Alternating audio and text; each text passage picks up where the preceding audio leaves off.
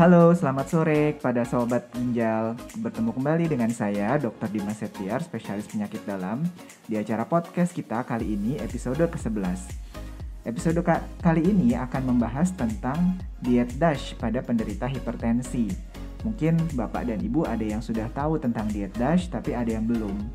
Nah, kali ini saya akan berdiskusi dan berbincang-bincang bersama dua pakar di bidang ahlinya, yaitu Dr. Dr. Marhum Bonarha Marbun, spesialis penyakit dalam konsultan ginjal hipertensi dari Divisi Ginjal Hipertensi FKW RSCM, dan Ibu Triani Kresnawan dari instalasi gizi RSCM. Selamat sore Dr. Bonar, selamat sore Bu Triani. Selamat sore Sobat Ginjal. Sehat ya Bu dan Dok? Sehat selalu. Baik.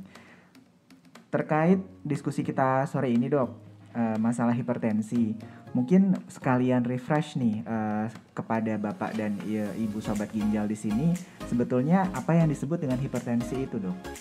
Baik, uh, jadi kita sering mendengar emang itu istilah hipertensi ya. Hipertensi itu sebenarnya tekanan darah yang meningkat ya. Patokannya adalah angka di 140 per 90. Jadi jika uh, Bapak Ibu sekalian diukur tekanan darahnya lebih dari 140 90 artinya Bapak Ibu sekalian itu mengidap ya mengidap hipertensi seperti kita ketahui dari angka epidemiologi di kita ya di Indonesia ya jadi sekitar 34,1 persen ini orang Indonesia itu mengidap hipertensi. Jadi ibaratnya kalau misalnya di antara 10 orang yang duduk bareng-bareng di tempat kita ini, berarti 3 sampai 4 orang itu bisa uh, mengidap hipertensi. Nah, tapi kita nggak usah takut ya, karena ini harus kita apa? Kita harus atasi gitu ya. Jadi dengan cara pengobatan dan modifikasi hidup. Nah, salah satu yang menjadi apa uh, perhatian kita pada sore ini adalah mengenai diet DAS ya. Artinya diet DAS itu singkatan dari diet approach to stop hypertension. Jadi memang uh, pola hidup yang di uh, di uh, dipolakan supaya orang-orang yang mengkonsumsi uh, makanan tertentu ini bisa menghentikan hipertensi. Kira-kira begitu. Baik, Dok. Kan banyak nih ya dok ya tata laksana selain obat untuk hipertensi sendiri. Selain dengan diet DASH ini ada penurunan berat badan, ada mengurangi asupan garam, kemudian asupan makanan yang lain. Nah kenapa sih dok sebetulnya kita kali ini lebih menonjolkan tentang penurunan tekanan darah melalui diet DASH ini dok? Ya ini mungkin ini ada sejarahnya sedikit ya dokter Dimas Des diet itu sebenarnya pola ya, pola makan bukan bukan makanan yang diatur enggak ya. Jadi memang kadang-kadang kita menganggap uh, diet itu semua harus diatur sekian-sekian gitu ya sehingga kadang-kadang membuat frustasi Bapak Ibu sekalian untuk mengikutinya. Ternyata des diet itu sebenarnya pola makan yang ada di negara Mediterranean ya, di daerah Turki sekitar sana. Mereka itu hidupnya sudah uh, terpolakan dengan makanan yang sudah menga yang yang mengandung sayur-sayuran dan buah-buahan yang cukup banyak gitu ya. Terus dagingnya pun hanya ayam ya, ayam dengan uh, kacang-kacangan gitu. Dan ternyata ya diet diet das das diet itu menurunkan tekanan darahnya itu sampai 18 10 sampai 14 ya milimerkuri. Jadi kalau misalnya kita mengurangi hanya garam saja itu turunnya hanya 2 sampai 8 mili merkuri. Sedangkan kalau uh, diet yang kita konsumsi seperti ini itu turunnya lebih banyak ya 10 sampai 14. Jadi sangat bermakna secara epidemiologi ya dan itu akhirnya kita menunjuk uh, mengaitkan dengan individu orang yang mengidap hipertensi. Kira-kira gitu. Baik jadi kalau dengan diet DASH sendiri saja sudah cukup banyak menurunkan tekanan darah ya dok? Ya apalagi ya, kalau digabung dengan modifikasi gaya hidup yang betul lain. sekali. cukup signifikan juga Kemudian untuk diet DASH sendiri sebetulnya sudah bisa diterapkan belum ya dok? Tadi kan dokter bilang di Mediterania tuh dok awalnya sudah bisa diterapkan di Indonesia belum dok kalau seperti itu dok nah, kira-kira? Ya itu mungkin yang menjadi apa uh, tujuan podcast pada sore hari ini ya karena diet DASH itu sebenarnya sudah bisa disamakan dengan pola makan yang ada di Indonesia dan kebetulan di sini ada ada Butri ya bisa menjelaskan. Tapi memang uh, kita harus bisa lah menerapkan karena tidak terlalu sulit ya. eh, pola makan seperti yang sering kita dengar kan kalau di mungkin kalau katakanlah ya di daerah eh, di luar perkotaan ya bahwa bapak ibu sekalian itu sering mendengar orang-orang yang di apa di daerah di daerah lah ya di daerah itu lebih banyak mengkonsumsi sayur-sayuran dan buah-buahan ya. Jarang makan daging merah ya. Mungkin di samping daging ya yaitu ayam ya say- sayuran dan buah-buahan dengan apa dengan kacang-kacangan itu sebenarnya lebih banyak tersedia di negara kita dibandingkan negara lain kali. Dan itu mungkin yang eh, menjadi pertanyaan saya juga sih sebenarnya apakah ada eh, apa namanya standar makanan Indonesia gitu ya? Itu yang mungkin yang perlu di apa diinformasikan kepada masyarakat luas supaya bahwa makanan eh, makanan Indonesia itu ternyata lebih sehat dibandingkan makanan Barat ya. Kalau di Barat itu seperti standar Amerika standar Eropa gitu makanannya sangat berbeda dengan pola hidup yang ada di Indonesia. Mungkin itu yang perlu di apa didengung-dengungkan setiap hari karena eh, pola hidup kita kan kadang-kadang ke barat-baratan dan itu yang sebenarnya tidak baik dan itu yang menyebabkan penyakit salah satunya hipertensi akan muncul kira-kira gitu ya Oke. Nah kebetulan kita di sini kan juga sudah hadir ya dok ya. Iya, ada Bu Triani nih. Ahlinya nih yang masalah gizi di RSCM nih. Nah mungkin kita beralih nih ke Bu Triani sekarang. Menurut Bu Triani itu mungkin bisa dijelaskan sedikit tentang diet DASH itu Bu. Apa kepanjangannya? Mungkin ada yang mau ditambahkan dari penjelasan Dokter Bonar. Silakan Bu.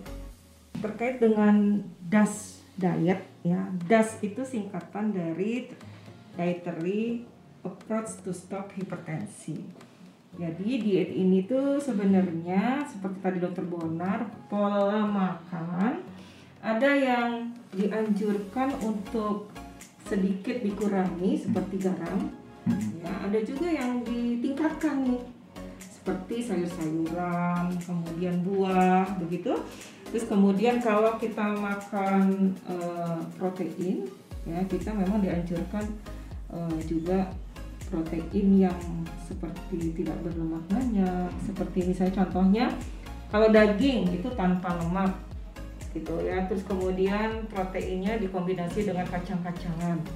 Kemudian kalau mengkonsumsi eh, susu itu dianjurkan yang low fat. Hmm. nah itu kira-kira yang harus diperhatikan oleh eh, kita semua untuk mencegah tadi ya hipertensi kemudian penyakit-penyakit degeneratif yang lainnya Oke, Bu Triani mungkin bisa sedikit menjelaskan poin-poin penting apa yang ada di diet DASH eh, ini sehingga sobat ginjal di rumah nanti bisa mencatat di rumah poin-poin pentingnya. Silakan Bu. Baik Dokter Dimas, sahabat ginjal, yang penting untuk DAS diet ini adalah pertama rendah natrium yaitu nama- rendah garam, yang kedua tinggi serat, yang ketiga rendah lemak dan yang keempat adalah kurangi gula atau kurangi manis-manis. Oke, jadi ada empat poin ya Bu ya. Ya, betul Dokter Dimas. Untuk semua orang atau semua usia sama nggak Bu eh, ini? Atau harus disesuaikan atau bagaimana? Ya, sebenarnya untuk kebutuhan zat gizi itu harus disesuaikan dengan umur, kemudian dengan tinggi badan, dengan berat badan, begitu. Kan tetapi pada umumnya untuk garam ini dianjurkan berkisar antara 1.500 mg sampai dengan 2.300 mg. Oke. Nah kemudian manfaatnya apa saja Bu Triani yang bisa diperoleh nih kalau kita melakukan diet DASH ini? Sebenarnya banyak manfaatnya untuk DAS diet ini. Jadi manfaatnya pertama tadi akan menurunkan eh, tensi, ya, tekanan darah. Yang kedua ternyata DAS diet itu juga bisa menurunkan kolesterol dalam darah karena dia low fat. Eh, fat yang digunakan adalah fat yang dari tumbuh-tumbuhan. Hmm. Nah, kita tekankan itu. Terus kemudian DAS diet juga ternyata eh, bisa juga beberapa penelitian itu menurunkan berat badan. Hmm, Oke. Gitu. Karena mungkin kan eh, apa namanya banyak sayur, banyak buah, sehingga seratnya juga tinggi dan kemudian karbohidratnya tentunya eh, jadi tidak terlalu berlebihan. Oke. Berapa lama nih Bu kira-kira biasanya Bapak dan Ibu ini harus menerapkan diet DASH ini supaya terlihat hasilnya gitu Bu? Ya, untuk menerapkan diet ini sebenarnya rata-rata itu enam minggu berarti satu setengah bulan. Satu setengah bulan. Ya, satu setengah bulan kita terapkan diet ini, kemudian kita monitoring evaluasi atau reassessment lah. Hmm. Nah, kemudian baru kelihatan hasilnya. Sama seperti kita juga dengan eh, apa namanya diet-diet yang lainnya seperti diet rendah kalori untuk menurunkan berat badan itu juga berkisar antara 4 sampai 6 minggu baru kelihatan hasilnya. Oke, satu sampai satu setengah bulan ya. Ya, betul. Dokter Bonar ada yang mau ditanyakan lagi dok ke Bu Triani dok? Ya sebenarnya eh, itu yang yang menjadi masalah kita itu sebenarnya pola makan kita dia di Indonesia. Ya. Saya sih sebenarnya bukan bukan mau bertanya, jadi memang sedikit eh, menekankan ya, memang diet diet itu tujuannya untuk menurunkan ini ya eh, kolesterol sebenarnya di sini ya, menurunkan kolesterol dan meningkatkan sayur-sayur dan buah-buahan supaya tujuannya adalah menurunkan risiko risiko penyakit, terutama yang paling diperhatikan di sini di masyarakat itu adalah eh, penyakit jantung koroner, stroke, ya, dan kencing manis, ya. Jadi kalau misalnya sayur-sayuran dan buah-buahan rendah kolesterol itu di apa dibikin jadi pola hidup yang baik, itu akan mencegah penyakit sebenarnya. Karena kita tahu kan dengan pola hidup yang sekarang ini penyakit jantung koroner, diabetes itu meningkat. Ya. Jadi kalau pola ini diterapkan, apalagi sebenarnya sudah polanya mendekati eh, standar makanan Indonesia, Ya. waduh itu sudah luar biasa itu. Itu mungkin yang saya komentarin sedikit. Ya. Mungkin nanti next kita membahas balance diet tuh dok, Oke. yang pola makan orang Indonesia Ya. itu sebenarnya mirip-mirip das diet ini. Hmm. Mereka udah mengurangi garam, jadi gula, garam, eh, lemak, GGL, gula, Iya. garam, lemak. Terus Iya. kemudian seperti tadi saya katakan, isi piring itu dianjurkan setengah dari piring itu adalah sayur dan buah. Jadi seratnya cukup banyak. Nah itu kalau diterapkan seperti tadi dikatakan dokter Bunar bisa mencegah penyakit metabolik. Iya, betul. Ya, itu itu mungkin yang penting ya, Dokter Dimas ya. Jadi eh, tiga hal mungkin kalau kita bisa perhatikan di sini Eh, rendah lemak, rendah garam, dan rendah eh, kalori ya. Gula itu kan rendah kalori ya namanya bukan, ya. bukan rendah kalori sih dok. Jadi untuk kalorinya sesuai dengan Sesuai dengan kebutuhan. kebutuhannya. Iya, iya. Cuman sumbernya dari karbohidrat Hmm. kompleks. Hmm, Yang dibatasi adalah refined karbohidrat yaitu gula. Hmm. Jadi gula langsung itu boleh nggak sih? Gula langsung boleh. Hmm. Maksudnya gula dalam bentuk seperti gula pasir. Iya, iya gula pasir. Tapi harus dibatasi, nggak boleh sebanyak-banyaknya. Nah itu kan yang jadi masalah itu pembatasannya itu sebenarnya karena kan orang kalau misalnya pergi keluar rumah ke restoran, wah pasti makanannya kan susah untuk me- mengurangi makanan yang kita konsumsi di luar itu. Itu sebenarnya eh, patokannya eh, apa basis bahwa kita bisa meng- me- apa namanya menahan diri lah, menahan diri supaya tercapai ketiga hal yang tadi itu. Jadi cukup menarik juga perbincangan kita sore ini Bu Triani dan Dokter Bonar. Jadi sebagai eh, rangkuman saya dapat sedikit eh, menambahkan bahwa diet DASH ini yang awalnya memang berasal dari Mediterranean saat ini sudah bisa diaplikasikan dengan eh, pola diet orang Indonesia. Dan manfaatnya ini cukup banyak. Salah satunya adalah dengan menurunkan tekanan darah yang cukup eh, bermakna dan juga dapat menurunkan kadar kolesterol dalam darah hingga menurunkan berat badan.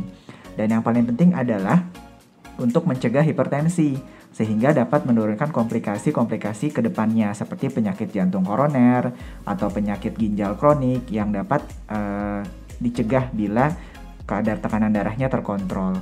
Dan juga diet DASH ini mudah dan dapat diaplikasikan di rumah Bapak dan Ibu sekalian. Dan yang paling penting adalah eh, diet DASH ini rendah lemak, rendah natrium, tinggi kalium, tinggi magnesium, dan tinggi kalsium. Oke, sebagai penutup, mungkin Dokter Bonar seperti biasa ada yang mau disampaikan, Dok? Oke, ini tugas ya. Tugas ya, Dok ya, tugas mingguan, Kayaknya Dok. tugas mingguan nih. Eh, saya mau baca pantun sedikit, izin eh, Putri dengan Dokter Dimas. Kain ulos khas Sumatera Utara, Cakep. baju batik asli Indonesia. Mantap. Bapak Ibu pendengar eh, pendengar setia, sampai bertemu ya di podcast selanjutnya. Sampai jumpa Bapak dan Ibu sekalian, Sobat Ginjal. Salam, Salam sehat, sehat. Salam sehat. Ginjal.